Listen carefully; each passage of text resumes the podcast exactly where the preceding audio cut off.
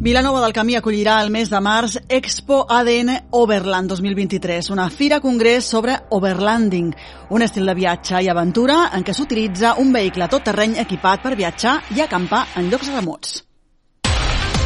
Aquest esdeveniment organitzat per ADN Overland amb el suport de promoció econòmica de Vilanova del Camí és pioner a la península i també al sud d'Europa i posarà l'accent en el moviment Overland i la seva cadena de valor. Medi Ambient enceta una nova campanya per sensibilitzar la població en la recollida selectiva de residus. Amb el lema Per una vila neta és el torn de l'orgànica, l'Ajuntament repartirà un cubell airejat per la matèria orgànica per domicili. La Unió Empresarial de la Noia ha elegit aquest dimarts Joan Mateu com a nou president de l'entitat. Ho ha fet en el decurs de l'Assemblea General Extraordinària, on també ha elegit els membres de la nova Junta Directiva per aquest mandat per unanimitat. Ja s'ha obert la convocatòria de la 18a edició dels Premis Igualada Recerca Jove que convoca el campus universitari Igualada UDL. Els centres podran presentar el projecte fins al 20 d'abril en cas de treballs de recerca de batxillerat i fins al 5 de juny en cas de treballs de cicles formatius. I avui parlem també del concurs de fotografies de dones amb empenta, com ens veiem les dones, que arriba en guany a la vintena edició amb el lema Nosaltres, l'amor i el sexe. Es pot concursar per Instagram amb l'etiqueta concurs DAE 2023 i la menció a Dones amb Empenta fins al dia 20 de març. I en esports parlarem de tenis taula. Els dos equips del Vilanova del Camí han aconseguit aquesta setmana superar el rival per la mínima, tant a primera com a segona provincial.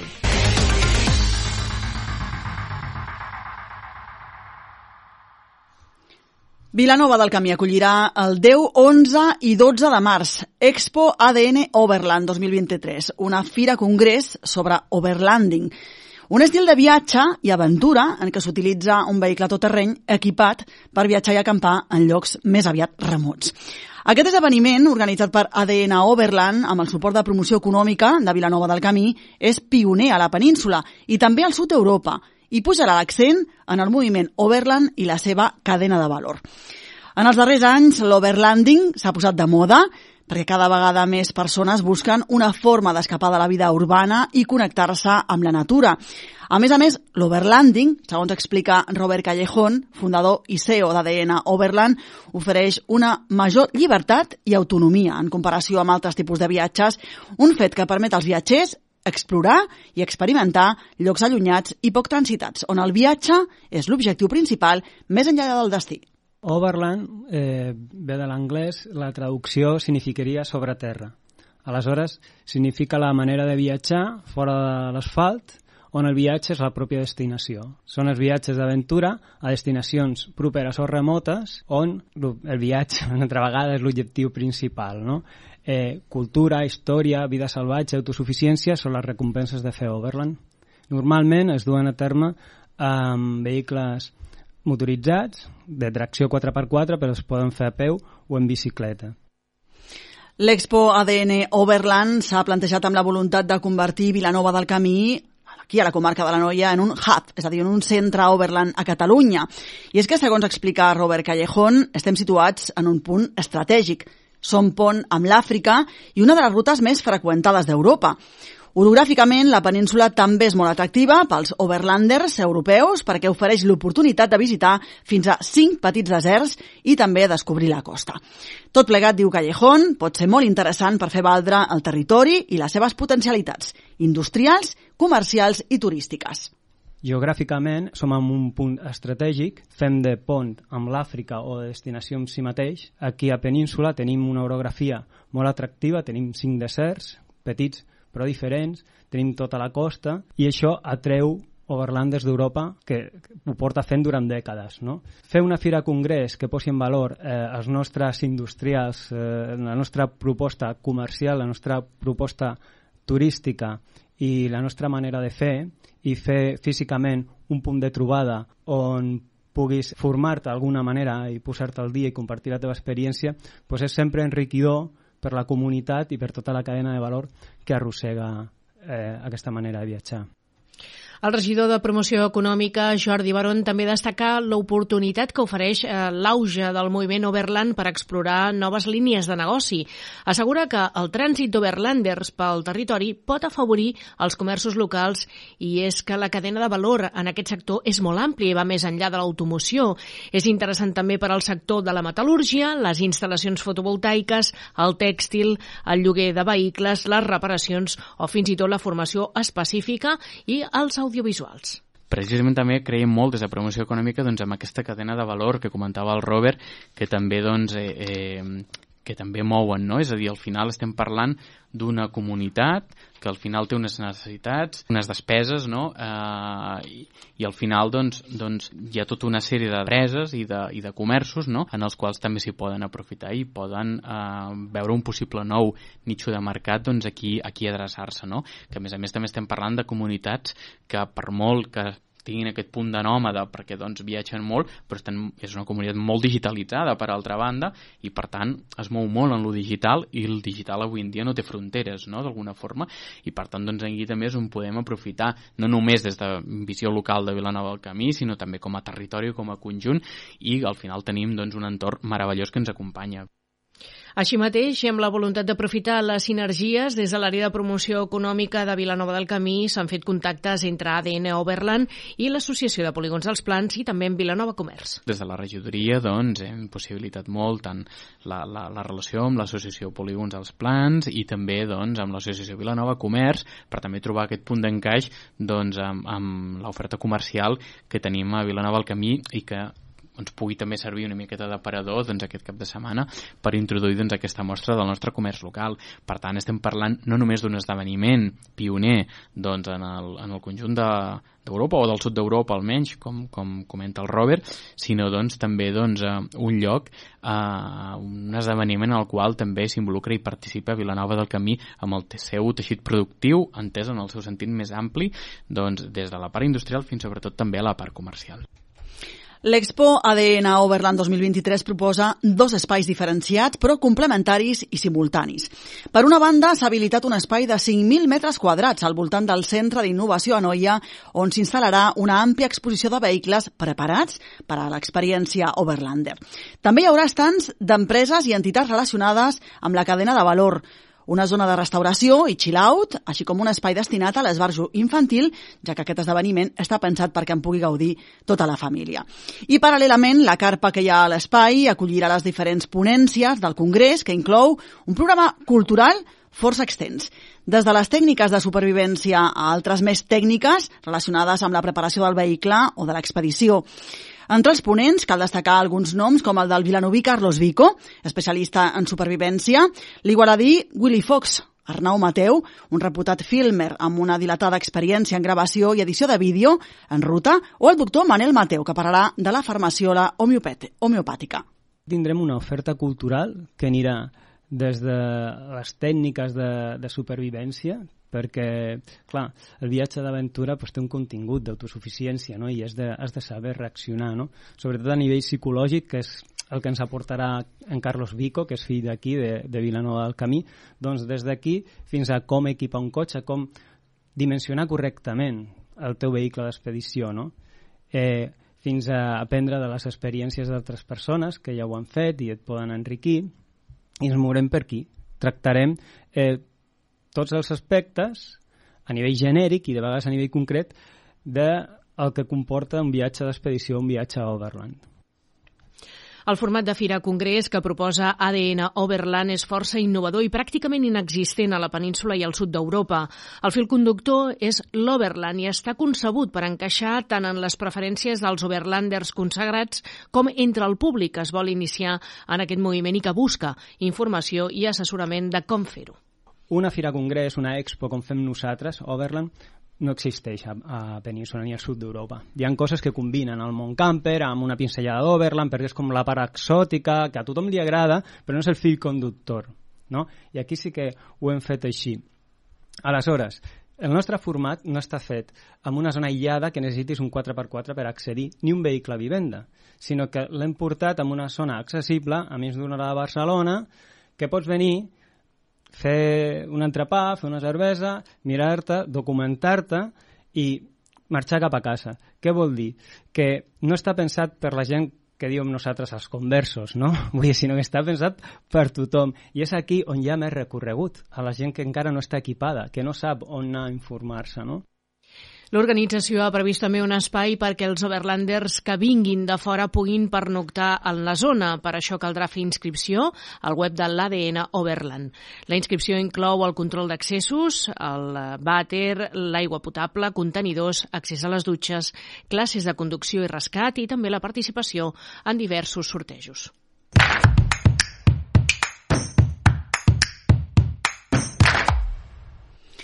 Parlem avui també de medi ambient. El pròxim dimarts s'enceta una nova campanya per sensibilitzar la població en la recollida selectiva de residus.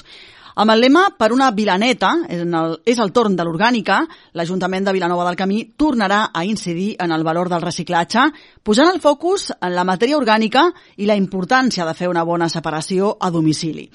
Com assenyalen des de la regidoria de Medi Ambient, encapçalada per Rafa Gavarri, és tan important la quantitat recollida com la bona separació que en fem per tal d'evitar impropis en el residu, és a dir, tots aquells residus que no han d'anar al contenidor d'orgànica.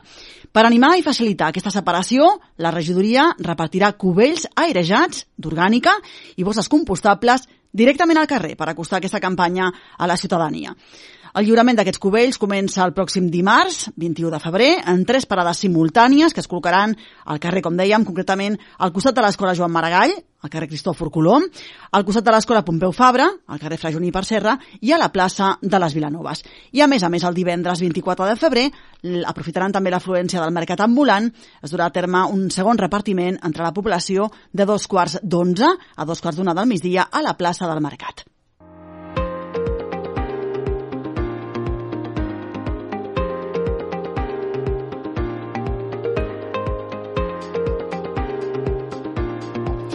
Segons dades de 2021, a Vilanova del Camí, la recollida selectiva, sense comptar el rebuig, va ser d'unes 2.300 tones, una xifra que no arriba al 40% del total de residus generats al municipi. En concret, és del 39,9%. Aquí hem d'incloure tota la recollida selectiva municipal, fins i tot la que es fa a la deixalleria, i d'aquest volum, només un 7,4% és matèria orgànica. Si ho traslladem a l'escala individual, cada any produïm per habitant habitant uns 446 quilos de residus, dels quals només en seleccionem uns 178. Segons els objectius que la regidoria es fixa per millorar la recollida selectiva, encara queda molt per millorar, sobretot pel que fa a l'orgànica. A més, com expliquen des de la regidoria, l'última caracterització de la matèria orgànica recollida al municipi durant els trimestres del 2022 a la planta de compostatge de Jorba indicava que no és de qualitat, ja que s'hi troben restes de plàstics, vidre vidre i residus tèxtils i sanitaris. Això provoca un augment del cost de tractaments d'aquests residus i, per tant, l'objectiu és aconseguir augmentar la quantitat de recollida orgànica, millorar-ne la qualitat i disminuir el cost de la gestió.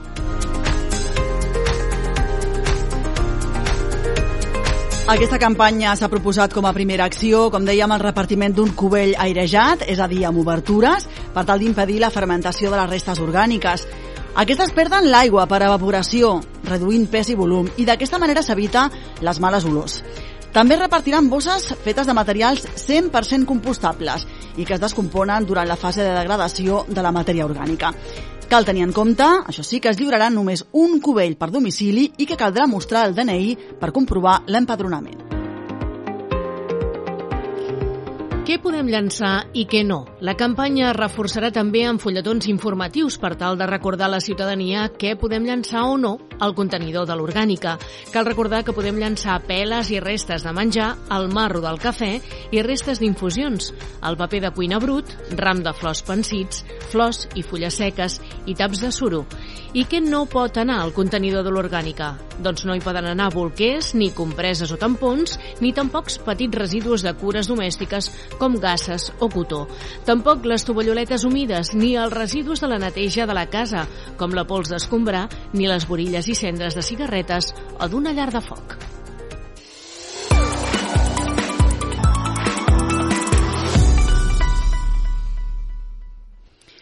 La Unió Empresarial de la Noia ha elegit aquest dimarts Joan Mateu com a nou president. Ho ha fet en el decurs de l'Assemblea General Extraordinària, on ha elegit els membres de la nova Junta Directiva per al mandat 2023-2027. Abans, a l'Assemblea Ordinària, l'entitat ha presentat la memòria i l'estat de comptes de 2022 i ha aprovat també el pressupost de cara a aquest any 2023.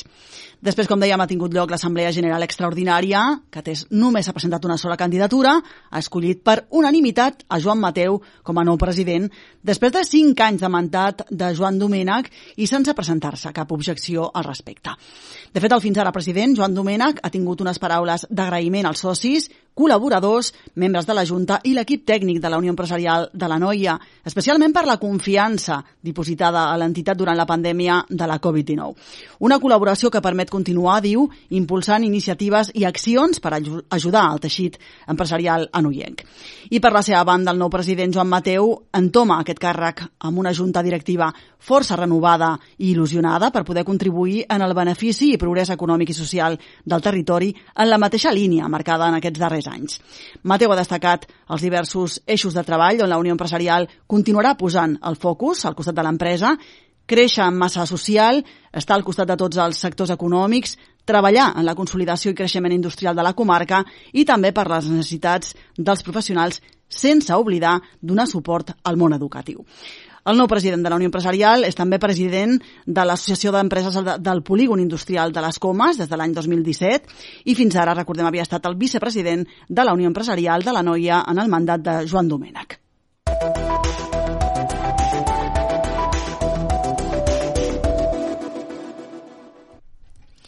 El campus universitari Igualada UDL ha convocat una nova edició dels Premis Igualada Recerca Jove amb l'objectiu de promoure l'esperit de recerca entre l'alumnat de batxillerat, cicles formatius de grau superior i de la modalitat artística de cicles formatius de grau mitjà de la comarca de la Noia. Uns premis que reconeixen l'esforç en l'elaboració dels treballs de recerca, així com la tasca tutorial. Els centres educatius són els encarregats de seleccionar els treballs i presentar-los abans del dia 20 d'abril, en el cas de batxillerat, i abans del 5 5 de juny en cas de treballs de cicles formatius de grau superior i de la modalitat artística de cicles formatius de grau mitjà. Els premis contemplen tres categories, la científica i tecnològica, la humanística i la social també l'artística. Aquest dimecres s'ha fet la presentació d'aquesta 18a edició amb representants de les entitats impulsores, el campus universitari Igualada UDL, l'Ajuntament d'Igualada, el Rotary Club Igualada, l'Ateneu Igualadí, el Centre d'Estudis Comarcals d'Igualada i Disseny Igualada. Durant l'acte, el delegat del rector de la Universitat d'Igualada UDL, Carles Capdevila, ha valorat l'exemple de col·laboració de totes aquelles institucions i entitats des de fa 18 anys per premiar l'esforç dels estudiants. Capdevila també ha reconegut la gran tasca que fan els tutors i tutores.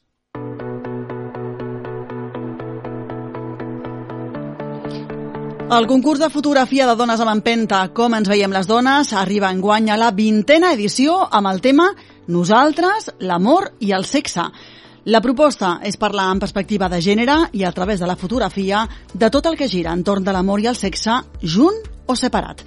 El concurs és per Instagram, entraran a concurs totes les fotografies que es publiquin o bé pel perfil personal amb l'etiqueta concurs DAE 2023 i la menció a Dones amb Empenta o bé a través de, de l'entitat, enviant-les prèviament per mail a comunicació arroba dae.cat perquè DAE pugui publicar-les. Es poden presentar tres fotografies com a màxim fins al dilluns 20 de març a les 12 del migdia.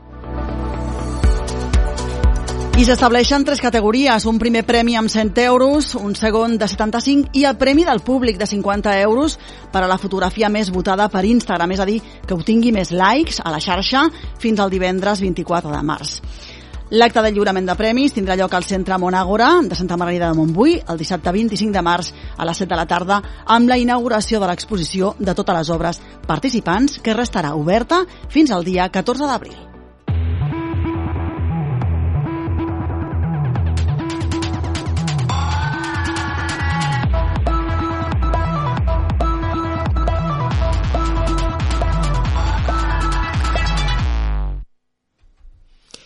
I avui en esports parlem del Club Tenis Taula Vilanova del Camí. Els dos equips eh, del Club Tenis Taula han aconseguit aquesta setmana superar el rival per la mínima. El resultat 4 a 3 els ha permès guanyar amb dos partits tant a primera com a segona provincial davant el CTT Barcelona. Per una banda, el primer equip ha obtingut una renyida i ajustada victòria davant un corretjós eh, CTT Barcelona que va fer entregar-se de valent als palistes vilanovins per poder guanyar l'encontre. D'altra banda, el conjunt de segona també va obtenir una nova victòria per la mínima en el desplaçament a Barcelona davant un equip que els havia derrotat en el partit d'anada. Aquesta vegada, però, el CTT Barcelona no va poder amb els vilanovins que, malgrat que no van fer un joc brillant, van aconseguir el triomf.